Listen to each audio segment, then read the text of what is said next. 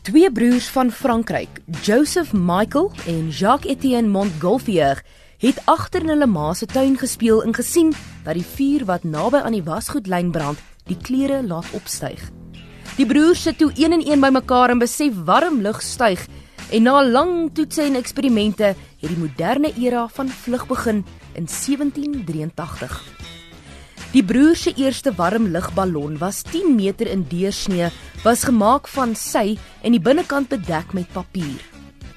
Op 4 Junie 1783 sou 'n onbemande lugballon 2000 meter opstyg, vir 10 minute vlieg en omtrent 2 km ver reis. Daar was op daardie stadium nog nie baie navorsing oor die effek wat dit op 'n mens sal hê om hoog bo see spieël te reis nie. Koning Louis 16de stel toe voor dat hulle gevangenes gebruik vir die eerste bemande warmlugballon vlug. Maar die broers was toe eerder ten gunste om 'n skaap, 'n eend en 'n hoender in 'n mandjie onder die ballon te laat hang.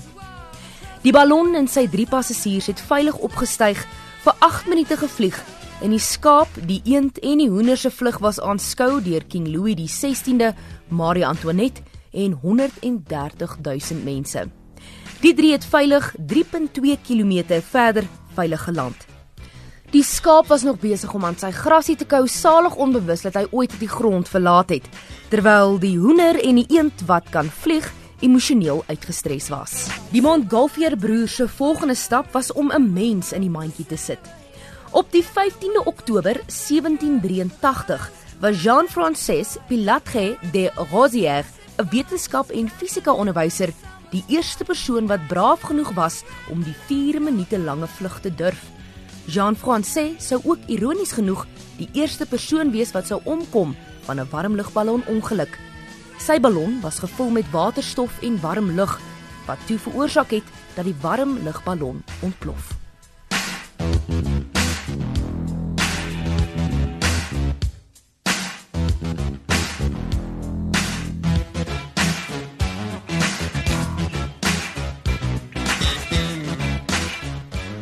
Die Montgolfier broers se sukses het groot opspraak gemaak in die gemeenskap. Stoele was ontwerp met ballonne agter ingegraveer, breekbare was versier met ballonne en spesiale gebeurtenisse van die broers was herdenk. Later het die broers en ander mededingende wetenskaplikes die beperkings van warm lug besef.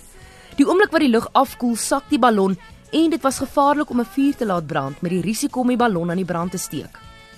Jacques Alexander Caesar Charles sou die eerste warmlugballon laat opstyg met die gebruik van waterstof.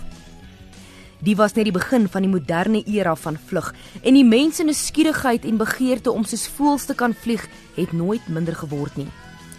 Soos Leonardo da Vinci gesê het, as jy eers die wonder van vlug geproe het, sal jy vir altyd op die aarde loop met jou oë na die hemele gelig, want jy was daar en jy sal altyd droom om terug te keer.